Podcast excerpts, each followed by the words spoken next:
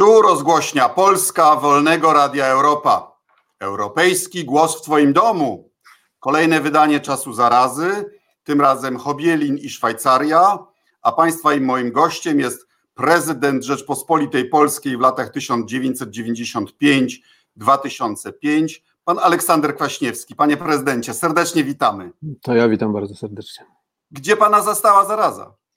W Szwajcarii, w górach. I jak sobie tam radzicie? No, mamy taką e, autokwarantannę, można powiedzieć. Tu w Szwajcarii sytuacja nie jest e, łatwa, bo oni mają chyba już w tej chwili 20 tysięcy osób chorych i, ponad 600 zgonów. Przy tym mają bardzo dużą, również chyba największą w Europie liczbę osób wyleczonych. No ale w związku z tym restrykcje zostały wprowadzone 13 marca, kiedy zamknięto wyciągi, hotele, restauracje, wszystko i zamknięto granice. No i, i to oczywiście jest duży problem, jak, jak się poruszać, jak wrócić. No ale, ale patrzymy, jak to będzie się dalej, dalej rozwijało. W naszym regionie to jest Gryzonia. Wolno wychodzić z domu wolno? Wolno, wolno wychodzić z domu, z tym, że nie wolno się gromadzić więcej niż w grupach pięcioosobowych w wszystkich y, y, czy środkach komunikacji, czy sklepach musi być ponad dwumetrowa przestrzeń między osobami. W sklepach jest obowiązująca dezynfekcja wchodząc, wychodząc, jest kontrolowana ilość osób, które znajdują się, w, to jest duży sklep, jedyny zresztą otwarty, więc tam zdaje się do 30 osób wpuszczają, żeby mogły się poruszać, kto nie musi czekać w tych, w tych kolejkach z odpowiednimi przerwami, z odpowiednim dystansem.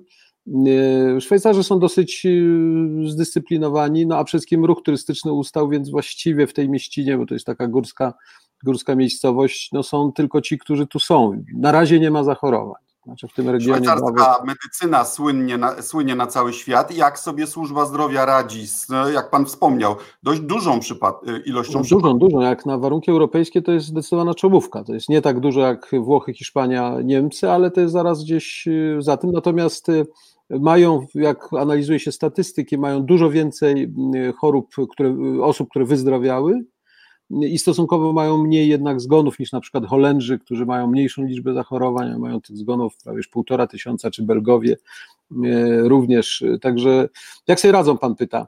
E, no ciężko sobie radzą. E, przede wszystkim wykonują bardzo dużo testów. Myślę, że to jest ilość testów nieporównanie większa niż w innych krajach europejskich.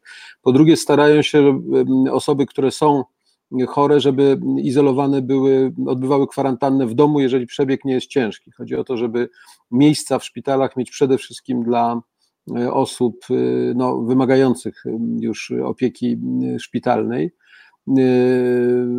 oczywiście wielki kłopot mają pacjenci, którzy byli wcześniej chorzy, czy mieli zaplanowane operacje, czy potrzebują stałej opieki, bo szpitale są jednak głównie skoncentrowane na, na koronawirusie, więc te osoby są trochę w takich no, niekomfortowym położeniu, no bo mieli mieć czy, czy te, te terapie, czy, czy, czy wizyty u lekarzy, więc to jest wszystko, wszystko przełożone.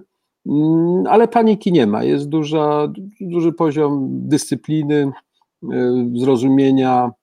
E, nie ma to jak potwierdzić stereotyp, prawda?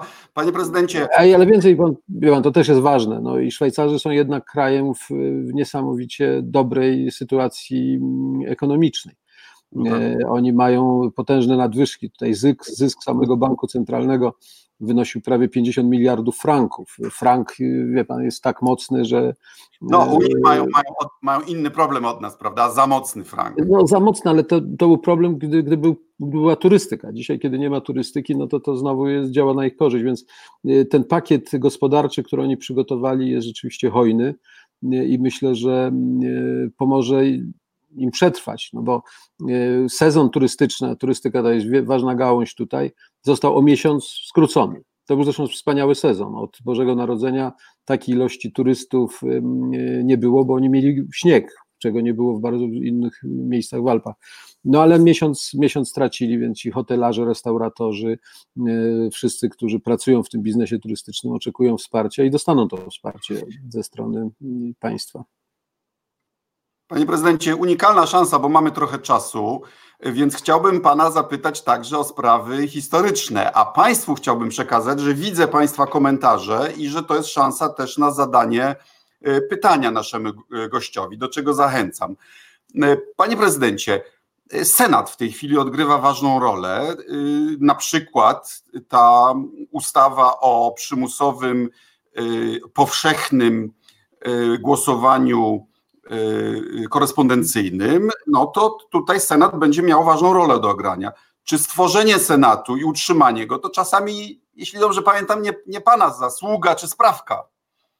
Znaczy dla jednych zasługa, dla innych sprawka, ale moja rzeczywiście. Zaczęło się to od tego, że przy okrągłym stole, kiedy mieliśmy taki kolosalny impas y, y, związany właśnie z wyborami, także wyborem, trybem wyboru prezydenta, były różne propozycje, nie chcę tu wchodzić w szczegóły, bo, bo, bo mógłbym opowiadać godzinami o tym, ale wtedy ja zupełnie nie uzgadniając tego z nikim, wyszedłem z propozycją nie tylko stworzenia Senatu jako Senatu, czyli drugiej Izby Parlamentu, ale także całkowicie wolnych wyborów do Senatu. Jak pan pamięta, była zgoda obustronna, tak zwane kontraktowe wybory do Sejmu, czyli koalicja... No i ordynacja większościowa, która zdaje się waszemu ordynacja ówczesnemu nie pomogła, co?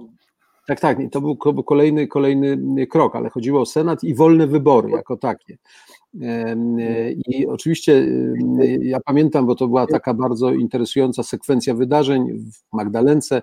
E, najpierw generał Kiszczak w imieniu strony rządowej zaproponował takie oto rozwiązanie, że no, Sejm wybierzemy w, to zgodnie z kontraktem 60% dla PZPR-u, ZSL-u i SD, a reszta dla Solidarności, po czym będzie druga izba i druga izba składałaby się z przedstawicieli Rady Konsultacyjnej przy przewodniczącym Rady Państwa, czyli generale Jaruzelskim, przez y, w jednej trzeciej z członków rad narodowych, E, wojewódzkich i jakaś część byłaby delegowana przez komitet prymasowski, czyli przez prymasa. No, zapadła cisza i profesor Geremek w imieniu strony Solidarnościowej mówi wtedy tak, mówi panie generale, my na jeden gwałt na demokracji z trudem, ale możemy się zgodzić, ale demokrację gwałcić czterokrotnie, no bo uważam, że te trzy kolejne e, jakby koptacje do drugiej izby byłyby również gwałtem, to jest dla nas o wiele za dużo. No więc zrobiła się cisza e, i wtedy ja właśnie zaproponowałem, no a co by na to, gdyby zostawić ten Sejm wybierany tak, jak już postanowiliśmy, a druga izba, czyli Senat, byłby wybierany całkowicie demokratycznie i w wolnych wyborach. Była cisza. Y, przerwa oczywiście. Ja myślę, że moja propozycja przeszła dlatego, że po stronie rządowej wszyscy byli przekonani, że ja tego nie mogłem tak od sam zgłosić, że ja to musiałem mieć uzgodnione, a z kim mogłem to za, pana, to za panem stoi. Tak, kto za mną stoi. Więc ponieważ nie wiedzieli, że nikt nie stoi, ale podejrzewali, że mógłby stać na przykład generał Jaruzelski, to poszło to do dalszej dyskusji, no i było pytanie o ordynację i wtedy właśnie wymyśliliśmy taką ordynację, powiem zupełnie sufitowo, bo jedyny senat, który nam przychodził do głowy, to był amerykański, a dodatkowo jeszcze było wtedy tak, że Polska miała 49 województw, Amerykanie 50 stanów, więc y, na prędce wymyślono ordynację większościową z dwoma senatorami z każdego województwa, plus jeden dodatkowo z dwóch największych województw w Polsce, czyli Warszawy i Katowic, Śląska. No i tak to się przyjęło i ta prowizorka trwała z pewnymi zmianami, mówiąc szczerze, trwa, trwa do dzisiaj. I co, i przy większościowej, mimo że dostaliście 30 parę procent, tak, prawie wszystkie, wszystkie poza jednym przerżnięte. No tak, no bo to jest uroda właśnie systemu większościowego. To zresztą pan zna dobrze system brytyjski, pan też wie, że, że liberalni demokraci, mając poparcie na poziomie 20 paru procent dosyć regularnie w wyborach, też zazwyczaj mieli po kilku czy kilkunastu, e, częściej kilku niż kilkunastu e, deputowanych.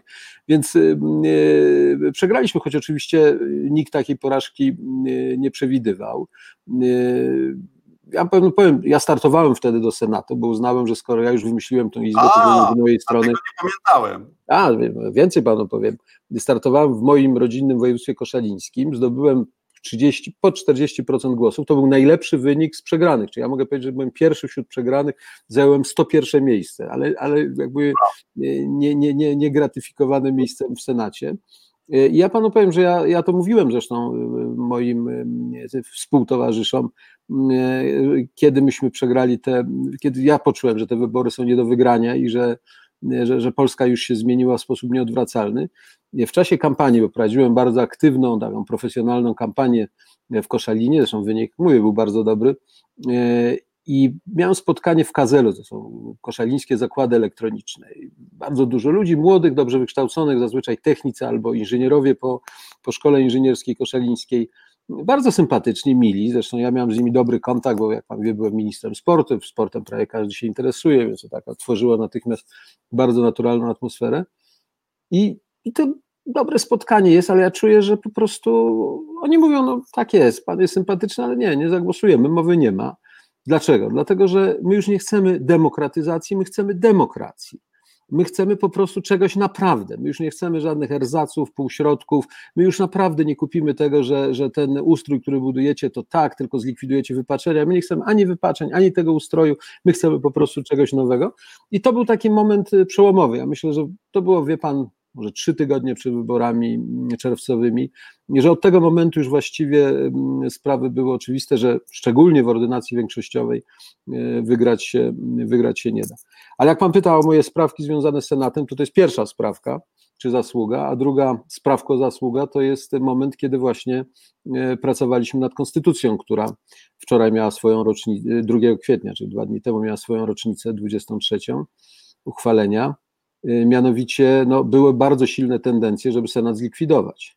I to były tendencje, które szły z mojego obozu politycznego. Bardzo zresztą jeszcze mocniej wspierane przez jeszcze drugą lewicową partię, która wtedy mm, y, była istotnym y, ugrupowaniem w parlamencie, czyli Unię Pracy z Ryszardem Bugajem na czele. No i rzeczywiście, żeby ten Senat uchronić, trzeba było no, niemałych zabiegów. Myśmy przeprowadzili takie najpierw głosowanie sondażowe w Sejmie, później y, zamieniliśmy to wiążące. No, w rezultacie Senat, Senat został, został uratowany. I powiem panu szczerze, że przez długi czas miałem y, istotne wątpliwości, czy, czy ta Izba wypełnia swoją rolę właściwie, y, bo ona właśnie ze względu na tą większościową ordynację przeważnie odzwierciedlała układ sił w Sejmie. Znaczy, jak lewica wygrała w parlamencie, w Sejmie, to miała jeszcze więcej głosów w Senacie. Jak y, AWS to samo zrobił w Sejmie, to to samo było w Senacie. Czyli to był taki raczej, mm, y, raczej izba, która była taką ostatnią deską ratunku, żeby poprawiać legislacyjne wpadki. Znaczy, albo, nawet redak albo nawet redakcyjne. Albo nawet redakcyjne. Co mówiąc szczerze, dobra komisja legislacyjna powinna robić bez tego całego anturażu wyborczego i środków kolosalnych, które są wydawane na Senat.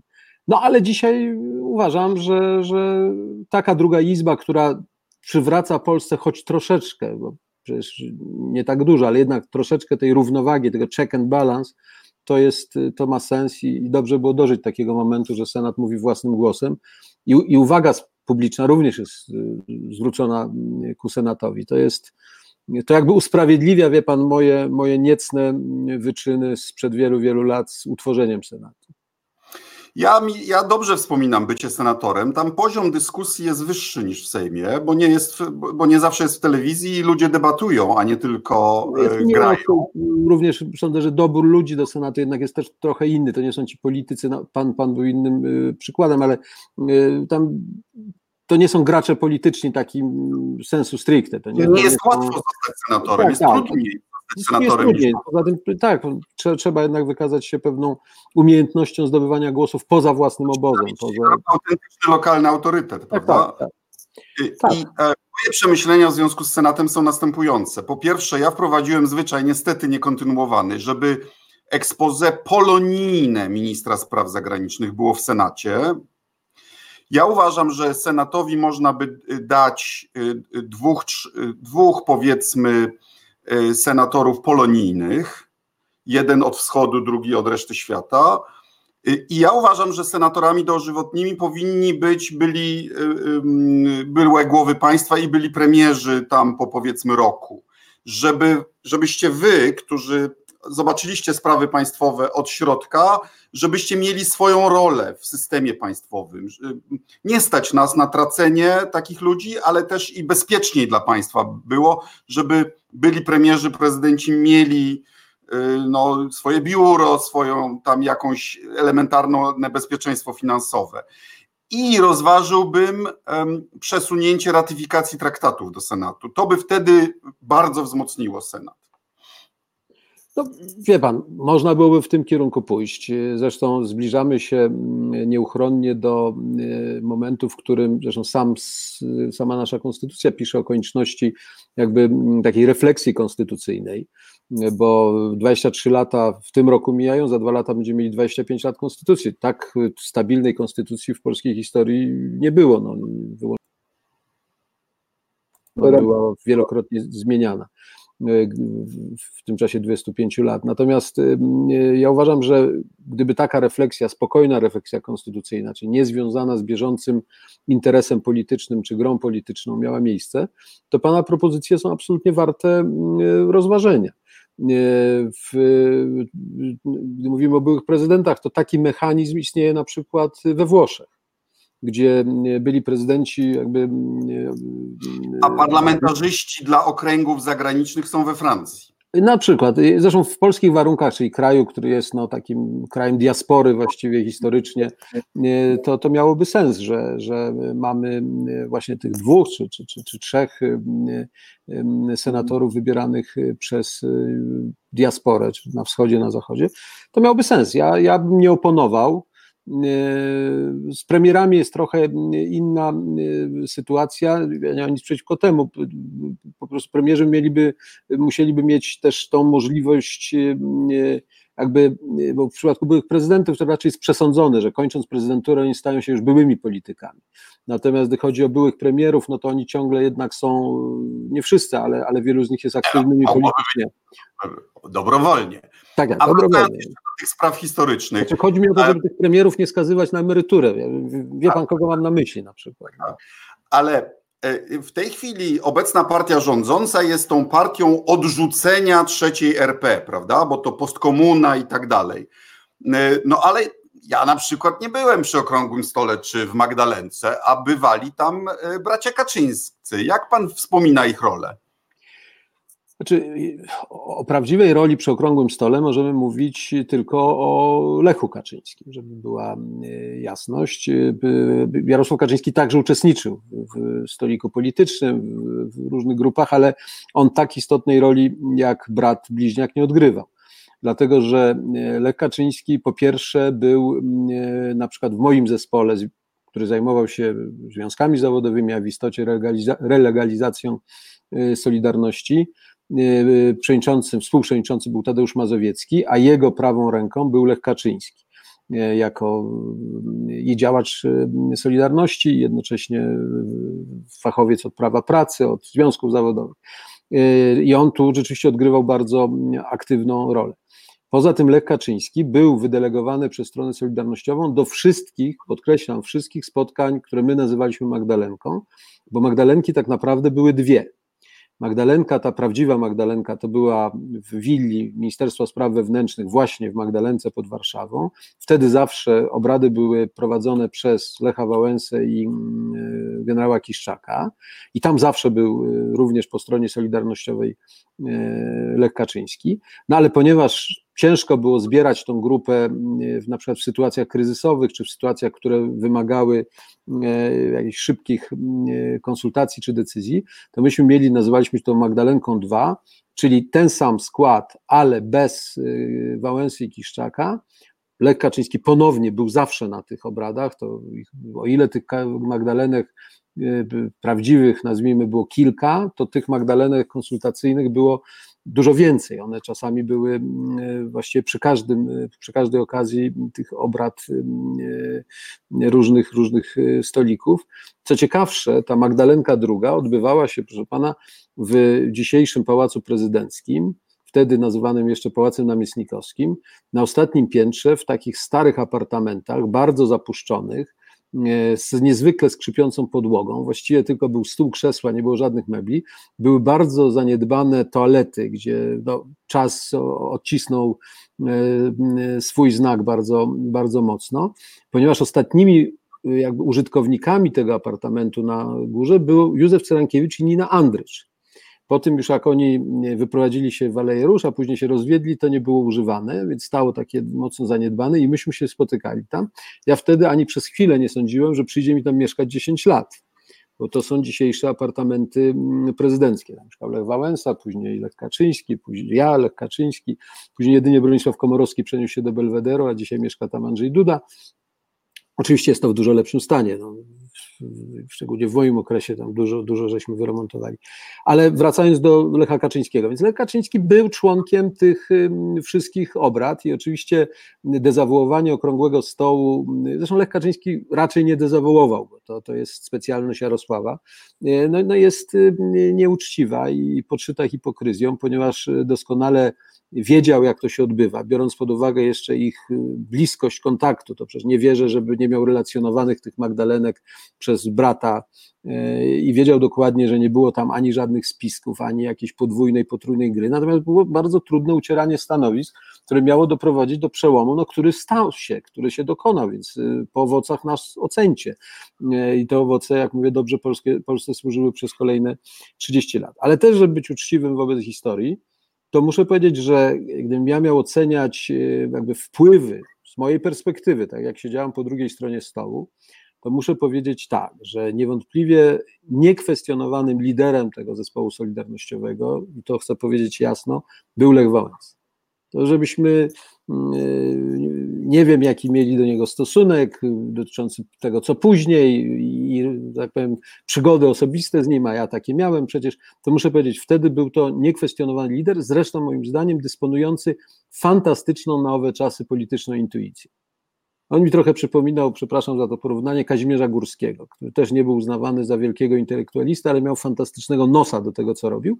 I obok siebie Górski miał dwóch doradców, y, asystentów. To był Jacek Gmoch i Andrzej Strejlał, którzy dawali tą niezbędną wiedzę, jakby pogłębiali to i, i, i byli potrzebni. I Wałęsa też miał takich dwóch y, pomocników. To był Tadeusz Mazowiecki i Bronisław Geremek. I to były te postacie absolutnie kluczowe, a do nich dodałbym Jacka Kuronia, Adama Michnika i e, Władysława Frasyniuka. To były te postaci, które z mojej perspektywy jakby e, nadawały ton tym, tym e, tej Panie prezydencie, a kończąc wątek historyczny i cofając się jeszcze bardziej, przecież, przecież musiał, musiał być jakiś, jakaś zgoda, jak to było, między ówczesnymi władzami PRL-u a Moskwą, zanim do, doszło do czy to, był, to była koncepcja Gorbaczowa, żeby w Polsce zrobić eksperyment?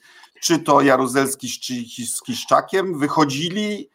Y, pan nie był, nie był decyzyjny wtedy, ale był pan blisko, więc pewnie pan wie. No wie pan i blisko, no a poza tym później jeszcze miałem okazję do wielu rozmów z bohaterami, tak powiem, tamtych wydarzeń, więc, więc oczywiście oni mogli upiększać różne rzeczy, ale generalnie to się składa w pewną całość. Znaczy, ja, punktem wyjścia do, do w ogóle rozmów, i w tym sensie to jest rzeczywiście polski pomysł, polski wynalazek, było to, że Jaruzelski zrozumiał, że znalazł się w gruncie rzeczy w sytuacji bez wyjścia czyli kryzysu, z którym nijak nie można sobie poradzić, mimo podejmowanych prób i reform gospodarczych, i dzisiaj już nawet było przecież takie referendum dotyczące reform gospodarczych, które zakończyło się całkowitym fiaskiem.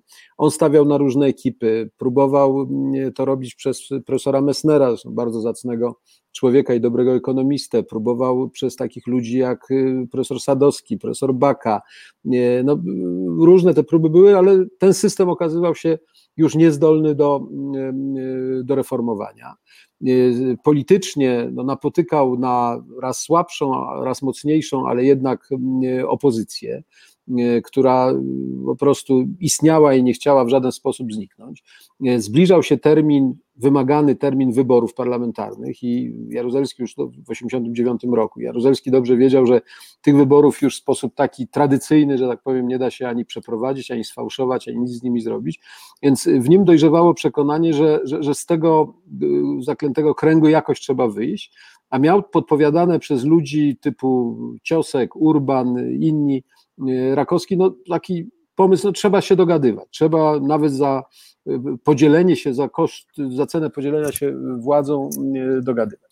I to na szczęście trafiło na okres od 85 roku Gorbaczowa, który toute proportion garde był w podobnej sytuacji. To znaczy on otrzymał wielkie państwo no w stanie nawet nie kryzysu, ale już takiej degeneracji i dotyczyło to i gospodarki, i w sumie wojska, i pozycji międzynarodowej i tak dalej. I oczywiście Gorbaczow nie był jakimś nadzwyczajnym zwolennikiem może takich polskich eksperymentów, ale z drugiej strony też nie miał, nie miał odpowiedzi, nie, nie miał argumentów na nie. Więc to trochę się odbyło na zasadzie takiej, dobra, no to próbujcie, zobaczymy jak to, jak to wyjdzie. Tym bardziej, że przecież Jaruzelski zapewniał, że, że kontrola zostanie utrzymana, że partia tu się władzą podzieli, ale jej nie odda. No, możemy sobie wyobrazić, jakie te argumenty były. Z drugiej strony, w kierownictwie tym y, intelektualnym, które y, otaczało Gorbaczowa, jak Jakowlew, no, tro, trochę takich postaci tam było y, rosło przekonanie, że Związek Radziecki jest w tak trudnej sytuacji, że zajmowanie się również blokiem wschodnim to już jest o wiele za dużo. Czyli trzeba odejść od doktryny Breżniewa i powiedzieć, dobra, niech oni się bujają sami, niech próbują y, na własny y, y, rachunek to, to robić. Zresztą to później Gorbaczow ogłosił w swoim wystąpieniu w Narodach Zjednoczonych. I te dwa procesy jakby spotkały się. I oczywiście jeszcze dodatkowo jest taki element osobisty, psychologicznie istotny, mianowicie Jaruzelski i Rakowski znaleźli wspólny język z Gorbaczowem i vice versa. To znaczy Gorobaczow, zresztą to sami mówił, że jak on miał spotkania z Husakiem czy Honeckerem, to mu się niedobrze robiło. Natomiast Jaruzelskim i Rakowskim lubił się spotykać, bo to zawsze było inaczej, bardziej szczerze, świeżo. No, szlachciura jakby nie było. No tak, tak. I, i z jakimiś y, ideami, pomysłami. To, to nie była aparatczykowska mowa, ta nowomowa, y, więc to też zagrało istotną rolę. Y, a przy tym trzeba powiedzieć i to, że no, inne otoczenie było bardzo na nie. Pan, to ja już odczuwałem na własnej skórze, bo jak byłem już przy okrągłym stole, to bardzo często prosili mnie o rozmowę ambasadorze NRD, Rumunii, Bułgarii. Ja nie miałem czasu, no ale Rakowski prosił, słuchaj, weź spotkaj się z nimi, bo ja też nie mam czasu, więc e, spotykałem się. No i wtedy otrzymywałem od nich takie długie lekcje, jak należy bronić socjalizmu i że to wszystko, co my robimy, to nieszczęście. E, najbardziej wzruszał mnie później obrazek tego ambasadora Rumunii, który był wyjątkowo namolny i wyjątkowo twardogłowy, który jak zaczęła się rewolucja rumuńska, to y, sam osobiście nożyczkami wyciął ten sierp i młot ze środka flagi rumuńskiej i krzyczał... Późny wolna... antykomunista. Tak, tak, bardzo. I krzyczał, niech żyje wolna, wolna Rumunia i to widziałem w polskiej telewizji i, i tak sobie myślałem, rany boskie, co tu się dzieje. Znamy, znamy ten, to zjawisko. Prawda? No właśnie. E, także e, wie pan, ja bronię tezy, że e, to był okrągły stół, to był polski eksperyment, polski wynalazek, który na szczęście trafił na sprzyjający moment historyczny, bo jak pan wie, wiele dobrych pomysłów politycznych nie wypali, jeżeli takiego momentu historycznego nie ma. A przechodząc już powoli do współczesnych spraw, no bo właśnie mamy bardzo odważną propozycję zmiany konstytucji to przecież pan był przewodniczącym Komisji Konstytucyjnej, prawda? Tak I to na pańskiej kadencji ona została uchwalona. Przez wiele lat była krytykowana. Zresztą ja y, też nie byłem jej entuzjastą. Ja uważałem, że trzeba było przywrócić kwietniowo, ale mniejsza z tym. No jest była... kwietnia, co pan się czepia? No nie chcemy 2 kwietnia. No. Jesteśmy naprzeciw pana oczekiwaniu była odsądzana od czci i wiary jako postkomunistyczna, a teraz środowiska tradycjonalistyczne powołują się chociażby na zapis o małżeństwie jako takiej opoki konserwatyzmu, prawda? Jak pan to widzi? No, pan, no, świat jest pełen paradoksów. No, ja najbardziej uśmiecham się i cieszę, jak widzę, jak jeden też z oponentów tej konstytucji, bo przecież jego przedstawiciel, nieżyjący już profesor Falandysz, e, zadania nam nie ułatwiał, jak przychodził na komisje konstytucyjne, mówi o Lechu Wałęsie. E, dzisiaj prawdopodobnie nawet śpi w koszuli z napisem konstytucja, bo na pewno co całe, całe dni chodzi w, tej koszuli i broni tej konstytucji. Więc mnie to, jak mówię, cieszy, choć na niektóre takie wydarzenia patrzę mm, z uśmiechem. E, wie pan, ta konstytucja powstawała w bardzo konkretnym y, też momencie. Myśmy ją zaczęli tworzyć w 1993 roku, y, skończyliśmy w 1997, została przyjęta w 7, poparta w referendum. Y, jaki to jest czas? No pan pamięta, ale nie wszyscy nasi słuchacze muszą pamiętać ten, ten okres. Polska jest w stanie dużej niestabilności politycznej, rządy się często zmieniają. Pierwszy polski parlament ma dwadzieścia parę partii. Lech Wałęsa jest prezydentem, no nazwijmy to delikatnie, oryginalnym w swoich y, zachowaniach, bo y, często idzie gdzieś na granicy prawa albo wręcz to prawo falandyzuje.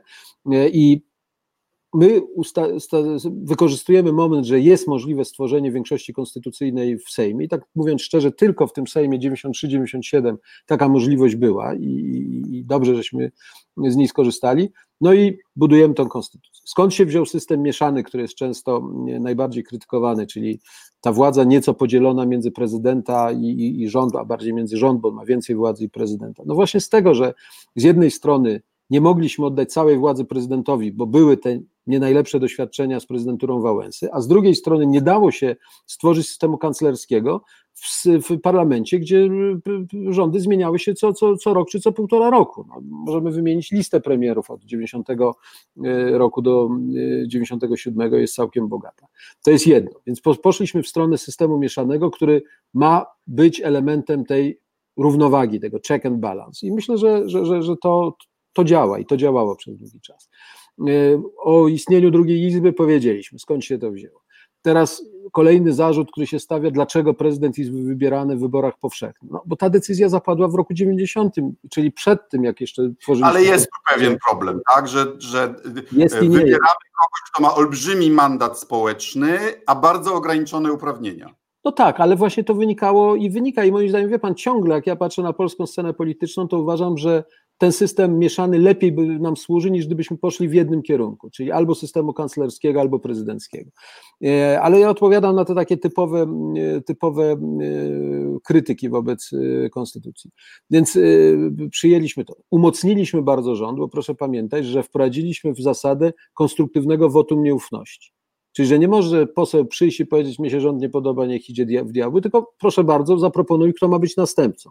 I to jest wystarczająco powściągający element, żeby opozycja nie szalała i nie wychodziła z tymi wnioskami y, za często. I tak dalej, i tak dalej. Otworzyliśmy możliwość wejścia do Unii Europejskiej, czyli przyjęliśmy, że polskie prawo może być uznane. Ale utrudniliście przyjęcie euro nie, nie, nie utrudniliśmy, tylko myśmy konstytucję przyjęli w 1997 roku. Przypominam, że euro weszło w życie w 2000. No, niech pan nie żąda od nas aż takiej wyobraźni.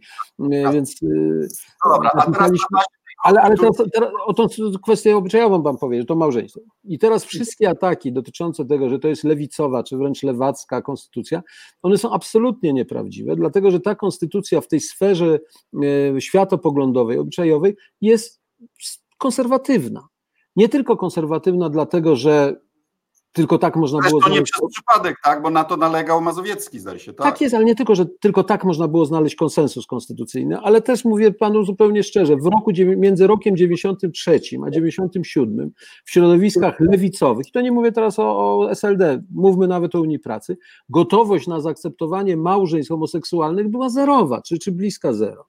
Przecież to, to, to, to dojrzewa społecznie. To są zjawiska, które, które przychodzą z czasem, więc, więc stąd zapisaliśmy bardzo tradycyjną formułę rodziny. Natomiast to, co jest najważniejsze w tej konstytucji, i tu już zbliżam się do, do końca mojej odpowiedzi, myśmy zapisali niezwykle szeroki zakres ochrony swobód i wolności obywatelskich, bo to była naturalna reakcja na doświadczenia PRL. Byliśmy już w trakcie prac nad y, tym krytykowani za dużo, za szczegółowo, ale wtedy nieodżałowany Wiktor Osiatyński nam mówi, słuchajcie, piszmy to, dlatego że może się znamy, co było w PRL. Konstytucja była napisana świetnie, a praktyka wyglądała tak, jak wyglądała, więc brońmy tych wartości i, i chrońmy prawa obywatelskie, bo one są najbardziej wrażliwe. I stąd rzeczywiście ta część dotycząca wolności i y, praw obywatelskich jest niezwykle szeroka, i ja uważam, że to jako też no, pewien owoc czasów, w których to powstawało, i miało sens i dzisiaj, w tych czasach naszych, które teraz przeżywamy, ma kto wie, czy nie więcej jeszcze sensu. No to jest pan specjalistą od tej konstytucji, bo ją pan współtworzył. Y, co rząd powinien zrobić na bazie tej konstytucji, żeby poradzić sobie z epidemią? No, Konstytucja jest bodajże rozdział 11, który mówi o stanach nadzwyczajnych. Mamy trzy stany nadzwyczajne. Stan wojenny, który wiadomo, jest, jest zagrożony.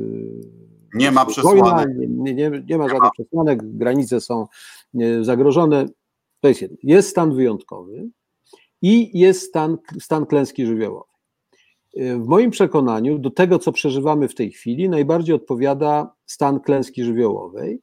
Dlatego, Gdzie w ustawie że... jest powiedziane, że to dotyczy także chorób zakaźnych, prawda? W ustawie, no w samej konstytucji nie, mówimy tylko o stanie e, e, wyjątkowym, no ale co to jest stanie e, klęski żywiołowej, ale co to znaczy stan klęski żywiołowej? To znaczy, no, że dotyka nas coś, co przynosi natura i co trudno jest opanować tradycyjnymi, rutynowymi metodami, ale na zdrowy rozum mówię.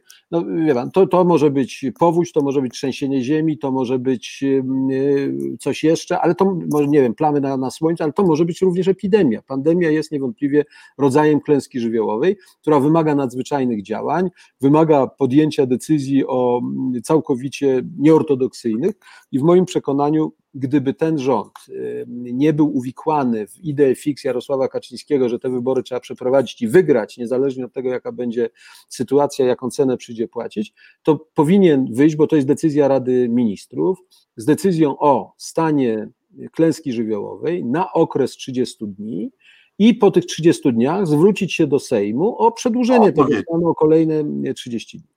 Wszystkie stany nadzwyczajne powodują, że na okres tego stanu nadzwyczajnego plus kolejne 90 dni nie mogą się odbyć wybory do Sejmu, do Senatu, wybory prezydenta, wybory samorządów lokalnych. A gdy już się odbędą, to, to one są wstrzymane i po prostu jadą dalej, czy to są nowe wybory? Wie pan, to już jest pytanie ba bardziej skomplikowane, bo oczywiście tego konstytucja nie rozstrzyga, ale ja bym chciał jeszcze tylko dokończyć ją odpowiedź, bo, bo ona moim zdaniem e, jakby rozwiązałaby problem, gdyby, jak mówię, rząd był do tego gotowy. Rząd mówi, mamy stan klęski żywiołowej, prosimy o 30 dni, za 30 dni zwracają się, czyli powiedzmy robi to dzisiaj, 4 e, kwietnia, 4 maja zwraca się do Sejmu podobne 30 dni, mamy 4 czerwca, epidemia kończy się, Y, mamy 90 dni, kiedy nie mogą się odbywać wybory i mamy wybory, w związku z tym doliczmy gdzieś tam jesienią, w, październiku, listopadzie y, wybory, y, wybory prezydenckie. Teraz oczywiście należałoby zapytać ekspertów konstytucyjnych i pewno dostalibyśmy tutaj dwie odpowiedzi, jak zwykle, szkoła półtuska i szkoła otwocka. Znaczy jedni by mówili, że te procedury rozpoczęte wcześniej zostały tylko zawieszone i one jakby trwają dalej, a druga szkoła będzie mówiła nie, że ponieważ minął tak długi czas, że de facto należy rozpocząć te procedury e, od samego początku. Ale moim zdaniem ta decyzja może być również przedmiotem pewnego konsensusu między siłami politycznymi. Można zdecydować się na e, jakiś wariant. W moim przekonaniu, jeżeli ten czas e, na przykład ponawiania stanu klęski żywiołowej byłby dwukrotny czy trzykrotny, to należałoby raczej mówić o nowej procedurze, bo, bo, bo nawet ci kandydaci mogą jakby ulec mm, zużyciu, czy, czy, czy, czy zniechęceniu, czy zmęczeniu. Natomiast gdyby to był tylko jeden miesiąc, no to wtedy można mówić, że procedura trwa, trwa dalej. Ale w tej sprawie jasnej odpowiedzi panu nie dam, natomiast jestem pytany przez wiele osób, a co w takim razie z, z prezydentem? Zgodnie z konstytucją, wszystkie te urzędy w okresie, kiedy nie można organizować wyborów jako konsekwencję stanu nadzwyczajnego, pełnią swój mandat czyli mają mandat wydłużony. Czyli jest jasne rozwiązanie, niepotrzeb... protezy są zbędne. Tylko jest niechęć polityczna do wykorzystania instrumentu, który po prostu jest. Instrument jest i on powinien, moim zdaniem, być zastosowany. I to powinna być pozycja dzisiaj tych, którzy powinni podejść do, do rokowań z, z, z rządem. Więc powinien, ja bym powiedział tak. Nasza propozycja, gdybym dzisiaj był po stronie opozycyjnej, to tak bym to sformułował OK, jestem gotów rozmawiać z Wami, jak wyjść z tego y, problemu, ale pierwsza rzecz, ogłaszacie, że wyborów majowych nie będzie. To jest punkt pierwszy. Punkt drugi, nasza propozycja to jest wykorzystanie mechanizmu, który jest w, y, zapisany i obiecujemy Wam, że jesteśmy gotowi jako parlamentarzyści poprzeć Wasze wnioski o przedłużenie tego stanu o miesiąc, dwa, jeżeli będzie potrzeba, nie będziemy tu w żaden sposób oponować, żeby Was wystawić na strzał w najgorszym momencie z waszego punktu widzenia, gdy chodzi o wybory. Bo wie pan, pan powiedział upór. To jest kalkulacja, to jest zimna, brutalna, cyniczna kalkulacja prezesa Kaczyńskiego, która polega na tym, że w tym bałaganie, który jest dzisiaj, zwycięstwo urzędującego prezydenta jest przesądzone. I to jest ostatni moment, żeby wygrać, tak, prawda? I to, I to tak właśnie bez większych nerwów. I to oznacza, że oczywiście styl, wie pan, czy to będzie ładne, brzydkie, duża frekwencja, mała frekwencja, dużo protestów wyborczych, czy nie, yy, czytelne, czy nieczytelne, to jest temat na miesiąc, na dwa. A później mamy pięć lat Andrzeja Dudy, który daje gwarancję, że kolejne blisko cztery lata rząd PiSu będzie mógł robić co Ale co panie prezydencie, bo na się tym polega i cynizm, i ta kalkulacja, i ryzyko, które mamy z tym związane, bo jeszcze ostatnią panu powiem uwagę. Dziś przeczytałem, jakby miał wyglądać ten system korespondencyjny. I muszę powiedzieć, że y, Kaczyński przygotowuje się do tego na serio, wie pan, tu nie ma żartów. Dlatego, że jak pan czyta y, ten, ten cały plan, to okazuje się, że dwie osoby będą odpowiedzialne za te wybory. I to jest najbardziej, że tak powiem, bliska, oddana i nie patrząca, nie mająca skrupułów armia prezesa. Mianowicie głównym jakby organizującym jest minister aktywów państwowych, czyli pan premier, wicepremier Sasin, czyli jedna z najbardziej, że tak powiem, oddanych i, i nie bawiących się w skrupuły postaci, a szefem poczty został wczoraj mianowany wiceminister obrony narodowej, czyli człowiek ministra Błaszczaka, czyli kolejnego absolutnie Zaufany żołnierza, towarzysz oddelegowany na odcinek Poczty Polskiej. Tak jest i tu nie ma żadnych wątpliwości. W takim stylu, że tak powiem, wojenno mm, czy, czy wojskowo-policyjnym, mm, oni będą chcieli 10 te wybory korespondencyjnie przeprowadzić i ja uważam, że, że, że to ryzyko jest naprawdę poważne. Jak mówię, to będzie krytykowane, to będzie niemoralne, to będzie mm, jeszcze możemy szukać różnych przymiotników, ale to będzie ważne głosowanie. Ja mam jeszcze dwa pytania. Po pierwsze, czy niewprowadzanie stanu y, klęski żywiołowej w sytuacji, gdy ona w kraju ewidentnie jest, nie jest czasami przestępstwem członków Rady Ministrów? Moralnie jest to moim zdaniem ewidentnie naganne. To jest y, politycznie jest nie do zaakceptowania. Czy jest na to mm, przepis prawa, który y, ja myślę, że y, jeżeli do tych wyborów dojdzie, jeżeli się okaże, że w wyniku tego całego ruchu organizowanego przez wybory, czyli złamania zasad walki z epidemią, które sam ten rząd wprowadził, będziemy mieli jakąś kolejną falę zachorowań i zgonów, no to wtedy będą też powody do tego, żeby formułować i takie oskarżenia. Natomiast y, nie ma dzisiaj żadnej wątpliwości, dobrze byłoby, żeby opinia publiczna no, widziała, jak, na czym polega ta cyniczna gra, o co tutaj chodzi. Bo to, że jest stan nadzwyczajny, no wie pan, no, no, no o czym tu dyskutować? Ja, ja, mówię, jeżeli to, co dzisiaj mamy, że mamy siedzieć w domu, nie możemy wychodzić, a jeżeli to tylko z psem i do najbliższego sklepu, jeżeli yy, mamy tyle ograniczeń, yy, tracimy pracę i tak dalej, i to nie nazywamy stanem nadzwyczajnym, to co jest stanem nadzwyczajnym, co już jak zupełnie, że tak powiem, szlak wszystko trafi. No to... Ale nie ma pan wrażenia, że się koncentrujemy na technicznych aspektach tych wyborów, to znaczy, czy listonosz dostarczy, czy nie dostarczy, czy ludzie się zgłoszą tam w miejsca zameldowania, czy się nie zgłoszą, czy y, da się y, y, przeprowadzić akt głosowania. Ale przecież demokratyczne wybory to nie jest tylko akt głosowania. Jo, znaczy, istotą demokratycznych wyborów jest konkurencja między kandydatami, czyli kampania wyborcza, której nie ma, decyzji, decyzją rządu uzasadnioną ze względu na epidemię. Więc czy nie uważa pan, że te wybory z definicji nie będą demokratyczne, Ale nawet oczywiście. jeśli się odbędą? Pełna zgoda, ja to mówiłem już parokrotnie. Argumentów przeciwko wyborom majowym można znaleźć mnóstwo, a podzielić na dwie grupy: epidemiczne i demokratyczne. Epidemiczne no to znamy, no bo trzeba siedzieć w domu, a nie chodzić po ulicy i, i przemieszczać się i tak dalej. A demokratyczne jest takie, że to jest farsa. To jest oczywiście doprowadzenie e, aktu wyborczego tylko do jakby potwierdzenia woli rządzących, żeby, żeby mieć swojego prezydenta, bo nie ma e, kampanii, nie ma tego, co jest solą każdego, każdej demokracji, kontaktu z wyborcami, z tym suwerenem nie, nie ma możliwości debaty, nie ma sposobu, żeby zainteresować opinię publiczną dzisiaj programami wyborczymi, ponieważ opinia publiczna słusznie żyje czym innym. Więc wie pan, ja tu mam ogromne pretensje do mojego następcy, czyli Andrzeja Dudy, bo uważam, że e, właśnie wielkość polityków powinna się, może się przejawiać w takich sytuacjach bo on dzisiaj powinien być tym, który powiedzie, słuchajcie, ja jestem zdania, że te wybory trzeba przełożyć, bo to jest potrzebne polskiej demokracji, bo ja nie chcę znaczy, mieć... Wtedy byłby wiarygodny, bo ma szansę chcę... wygrać, prawda, ale robi coś ja, ja, nie chcę, ja chcę mieć mandat od ludzi, od Polaków, a nie od wirusów, no nie od, nawet jeżeli mają koronę, no, ja nie chcę mieć mandatu od wirusa z koroną, ja chcę mandat mieć od wyborców, z którymi mogłem się spotkać, rozmawiać, moi konkurenci mogli się spotkać i ja ich pokonam w takiej uczciwej walce demokratycznej. I wtedy polska demokracja wychodzi z tego i wzmocniona, a prezydent, który by ponowił swój mandat po takiej deklaracji, po takim zachowaniu, no byłby rzeczywiście już kandydatem na męża stanu, a nie tylko na gracza politycznego w jednej z drużyn a w międzyczasie mamy y, tą daleko idącą y, propozycję wicepremiera Gowina, o której pan się z, y, z pewnym szacunkiem wypowiedział.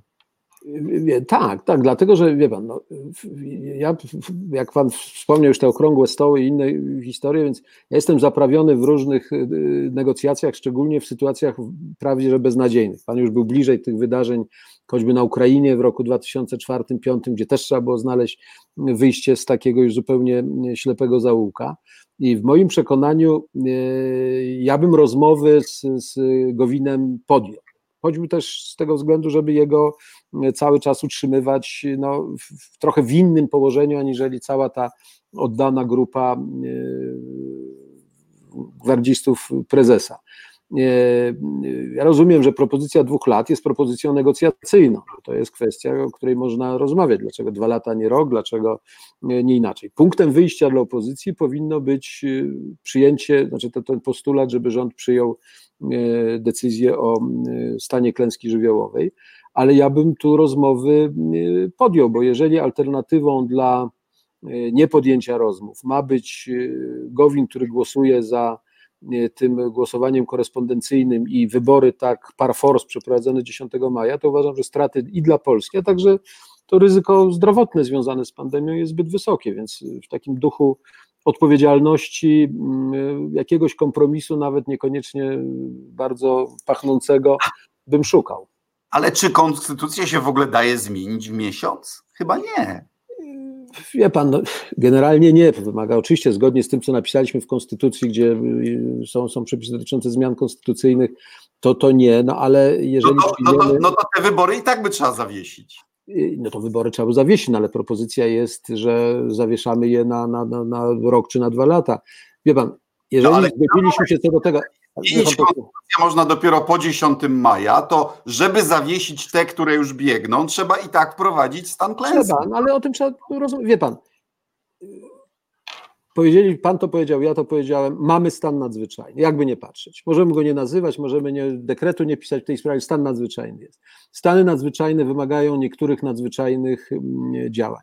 W moim przekonaniu y, nie robienie wyborów 10 maja jest niezwykle ważne. Nie robienie. Dlaczego? Bo to pomoże ludziom walczyć z epidemią. Dwa, nie zgwałci zasad demokratycznych, tak jak Geremek kiedyś mówił przy okrągłym stole.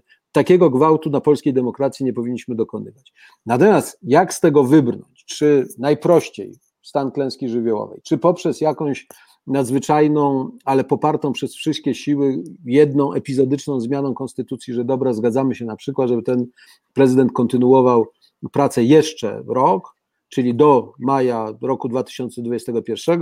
Teraz zażartuję trochę, przełożono olimpiadę o rok, przełożono Mistrzostwa Europy w piłce nożnej o rok, możemy przełożyć wybory o rok. Przyjmijmy, że ten rok to jest czas na stopniową normalizację sytuacji, czyli nie zmuszamy władzy, żeby robiła wybory prezydenckie w najgorszym dla siebie momencie, no ale przyjmujemy, że rok to już będzie taki moment w miarę obiektywizujący wszystkie te procesy. Można o tym rozmawiać. Ja bym, ja bym rozmawiał także z tego względu, żeby tego Gowina za szybko nie, nie, nie, nie, nie zmusić do chodzenia w ręka w rękę. Pan zresztą z nim pracował, więc pan może więcej powiedzieć na temat jego natury, ale, ale ja bym z polity... ja, ja nie, nie, nie, nie, nie, nie mam żadnych kontaktów z premierem Gowinem, natomiast wydaje mi się, że politycznie tutaj jest niewielkie, ale jest pole manewru. Znaczy ja już publicznie zadeklarowałem, że wybory w takich warunkach nie mogą być demokratyczne. Ja nikt mnie nie przekona, że mogą być demokratyczne. Będę się tą opinią dzielił, także w Parlamencie Europejskim i niech mnie potem wyzywają od gorszych sortów, sortów i zdrajców. Lojalnie uprzedzam, że takie wybory będą kontestowane zarówno w kraju, jak i przez zagranicę. Mówi Pan o tych możliwych korespondencyjnych wyborach 10 maja. Ja Teraz nie, sobie, co powinno. Ja chcę tylko powiedzieć, ja nie będąc w Parlamencie Europejskim i też ryzykując, że spotkają mnie różne epitety, powiem to samo. Ja uważam, że wybory 10 maja są elementem cynicznej gry Jarosława Kaczyńskiego, który ryzykuje zdrowiem Polaków i absolutnie e, czyni z polskiej demokracji wydmuszkę. Dobra, i powiedzieliśmy sobie, co powinno nastąpić. A co pan sądzi nastąpi? No, wie pan, to są proroctwa. Y, co nastąpi? Ja uważam, że y, mamy rzeczywiście bardzo ważne 2-3 dni, bo rozumiem, że Sejm zbiera się w poniedziałek, y, czy zbiera się, no, jakoś tam zdalnie i, i będzie chciał dyskutować. Mam te... wrażenie, że premier Gowin już się przełamuje, żeby zagłosować za. Ja myślę, że jest pytanie, jak się zachowa opozycja. Gdyby opozycja jednak wyszła z gotowością choćby porozmawiania, no to uzyskujemy sytuację, w której Y, może nie poniedziałek, a wtorek czy środa stają się, y, dają nam czas na, na, na jakieś manewry. Pamiętajmy, że każdy dzień uszczknięty to jest coraz y, trudniejsze zadanie zrobić wybory 10 maja, to też ma swoje znaczenie. No, Gowin być może, jak my nie znam ale no, będzie w centrum uwagi przez te kilka, kilka dni. Dobrze byłoby, żeby do opinii publicznej dotarł ten argument, że naprawdę prostym i w zasięgu ręki rozwiązaniem jest ogłoszenie tego stanu klęski żywiołowej, bo naprawdę nic nie trzeba kombinować. To jest, to jest proste jak drut i wszystkie argumenty, nawet wczoraj jak słuchałem Gowina, on też nie ma argumentu, dlaczego nie może być stan klęski żywiołowej. Oni nie mają ani jednego sensownego y, słowa przeciwko temu, no ale y, no i jak myślę, no dobra, a załóżmy, że Gowin się przełamuje, tak jak w przeszłości, uchwalają tą ustawę o korespondencyjnych, powszechnym głosowaniu, to się to, to leży w Senacie, więc ona pewnie by weszła w tak. życie dopiero tam w okolicach 4-5 maja, ale swoimi towarzyszami z MONU oddelegowanymi do poczty tak. już przygotowują karty do głosowania i system, tak? Tak. I, a na koniec y, listonosze idą na L4 i, um, i dostarczono karty do głosowania, załóżmy, do połowy Polaków albo jednej trzeciej. I co wtedy? No to wszystko dobre pytania. No wie pan, y, jeżeli determinacja ze strony PiSu jest taka, jak ja ją w tej chwili obserwuję, to oni będą, oni to zrobią. Nawet jeżeli, że tak powiem, ci listonosze nie doniosą, to wojskowi doniosą, nie wiem kto. W każdym razie. Koszmar. Słucham? To jakiś koszmar. Nie koszmar, koszmar, no, ale oczywiście, że koszmar, tylko wie pan, no, ja bym był ostrożniejszy w, w formułowaniu takich bardzo nie, nie, wręcz nieprawdopodobnych scenariuszy, gdybym ja nie widział to, co też wydawa, wydawało mi się niemożliwe. PiS parę razy zrobił rzeczy, które wydawały mi się niemożliwe. Sądziłem, że jest jednak pewna bariera, gdy były właśnie te kwestie mm, związane z Trybunałem Konstytucyjnym i tak dalej. Okazuje się, że tutaj oporów nie ma. No to jest taka rzeczywiście mocno bolszewicka mentalność, że robimy to, co uważamy za słuszne, a zwycięzców nikt sądzić nie będzie. Ale czy nie dochodzimy do kresu tej metody politycznej Jarosława Kaczyńskiego? To znaczy, za każdym razem, jak jest opór, podwajam stawkę. Być może, być może, tylko wie pan, mamy zły moment do mm, sprawdzenia tego, bo ja uważam, że e, to zresztą jest ciągle dla mnie taka gwarancja, że my nie pójdziemy drogą węgierską, że polskie społeczeństwo obywatelskie jest dużo bardziej zorganizowane, aktywne, świadome, mm, zdeterminowane i e, to ono postawi tamę tego rodzaju mm, e, działaniom Kaczyńskiego. Problem jest taki, że społeczeństwo obywatelskie dzisiaj odbywa kwarantannę że dzisiaj jesteśmy pozamykani. No był nawet taki mem nawet. Y, zrobię wam wybory i co mi zrobicie? Wy, wy wyjdziecie na ulicę? No i, i, i, i, pan, i ja nie wiem, czy to też w kalkulacji y, prezesa nie ma y, swojego miejsca, że, że zrobimy to, zawyją, zaprotestują, napiszą tam jeszcze setki czy tysiące memów, ale faktów nie zmienią. No, a jak mówię, to przekonanie, że zwycięzców się nie sądzi i to przekonanie, że Rzesze potrafią być tysiącletnie, ono wśród niektórych tych polityków trwa. Oni się mylą, bo nic nie jest tysiącletnie i, i, i kiedyś osąd przyjdzie, no ale jednak y, koszty tego, tego, tego koszmaru, jak pan to powiedział, mogą być wysokie. Czy nie dochodzimy także do ściany w y, sposobie zarządzania polską gospodarką i społeczeństwem, bo y, udało im się z 500, finanse wytrzymały, podwajali stawkę kolejnymi gestami socjalnymi, kolejnymi inwestycjami nie zawsze dobrymi, typu przekop, typu lotnisko w środku pola, a teraz przychodzi kryzys i nagle się okazuje, że rezerw nie ma, tak? No tak, no ale to jest pułapka, w którą wpakowali się, bo jak mówię, to jest też przekonanie takie, że wszystko nam będzie szło jak spłatka, będzie nam służyło, że, że koniunktura to jest na wieki, a to, czego my dotykamy, zamienia się w złoto, w dobro, w pieniądze. A propos Ten... złota, podczas kryzysu finansowego przeszliśmy przez to stosunkowo nieźle, nawet wzrost był, a e, złotówka się obniżyła o 30%, mimo że Rostowski miał taką wielką bazukę w postaci e, wykupionej e, zawczasu gwarancji AMF-u, takiej walutowej, na kilkadziesiąt miliardów dolarów. Teraz tego nie ma.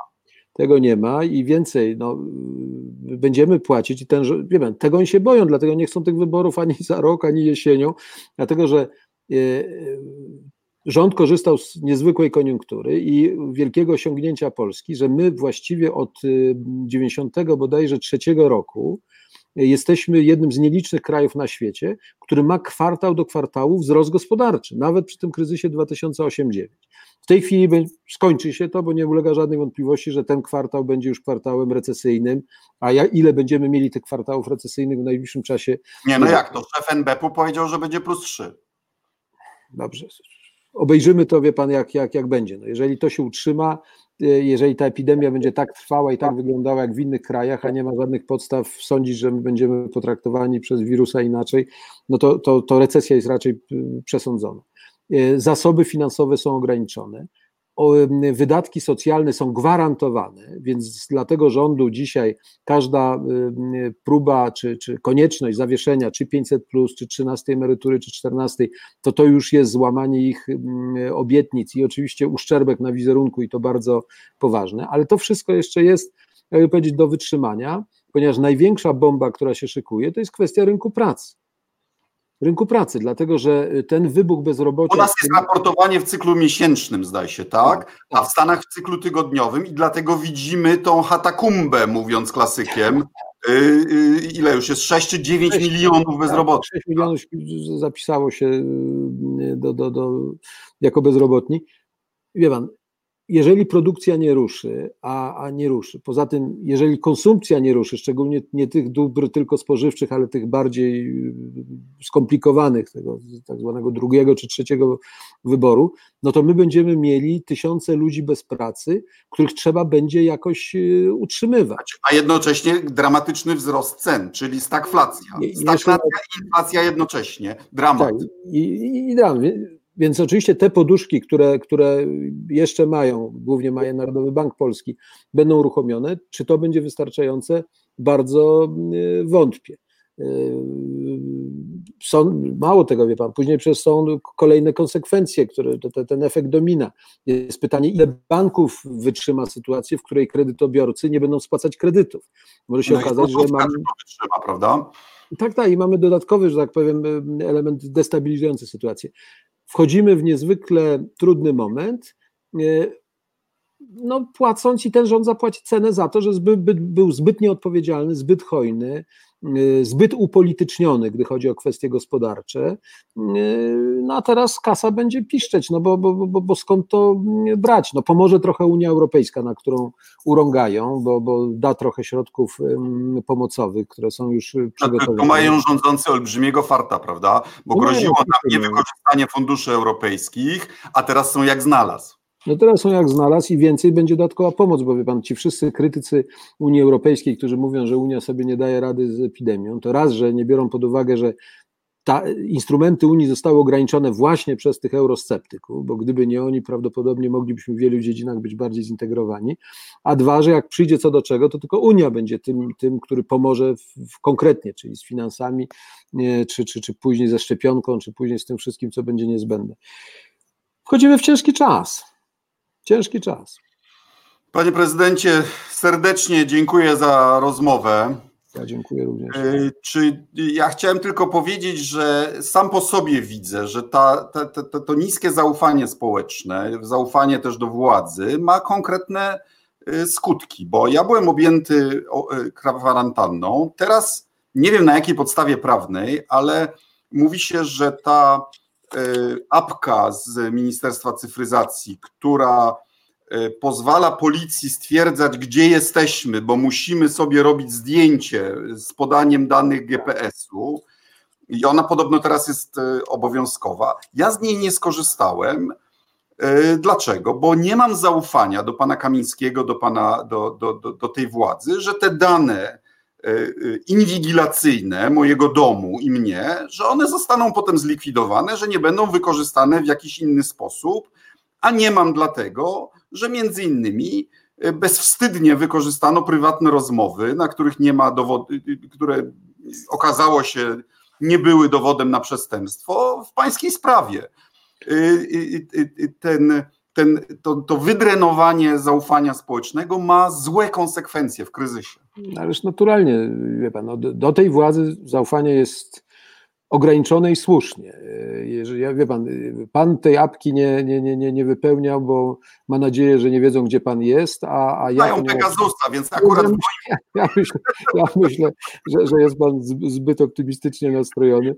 Oni to wiedzą, natomiast to jest temat, jak myślę, na inną rozmowę jak po tej pandemii wrócimy do normalności, gdy chodzi o te wszystkie elementy właśnie kontroli, inwigilacji, łamania naszych mm, podstawowych praw obywatelskich przez władzę. Orban łamania konstytucji.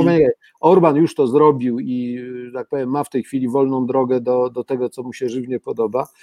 Byłoby źle, gdyby Polska poszła tą, tą drogą, no ale, ale to będzie problem bardzo wielu krajów dlatego że jeden ze sporów, pamięta Pan nasze dyskusje po atakach terrorystycznych, kiedy też e, było pytanie, ile wolności, ile bezpieczeństwa i na ile ta walka z terroryzmem usprawiedliwia działania, które ograniczają obywatelskie wolności, bo dają nam więcej bezpieczeństwa. W tej chwili będziemy mieli tą dyskusję ponownie, tylko dużo bardziej poważną, bo pandemie dotyczą wszystkich, ataki terrorystyczne nie, ale pandemie dotyczą wszystkich. W związku z tym będzie przekonanie wielu takich, że tak powiem, polityków, że trzeba rzeczywiście na rzecz bezpieczeństwa zasadniczo ograniczyć wolności obywatelskie, a przynajmniej doprowadzić do potężnej, powszechnej inwigilacji obywateli po to, żebyśmy byli bezpieczniejsi. Będziemy może wtedy bezpieczniejsi od pandemii, ale będziemy dużo bardziej zagrożeni politykami. Nie wiem, co gorsze.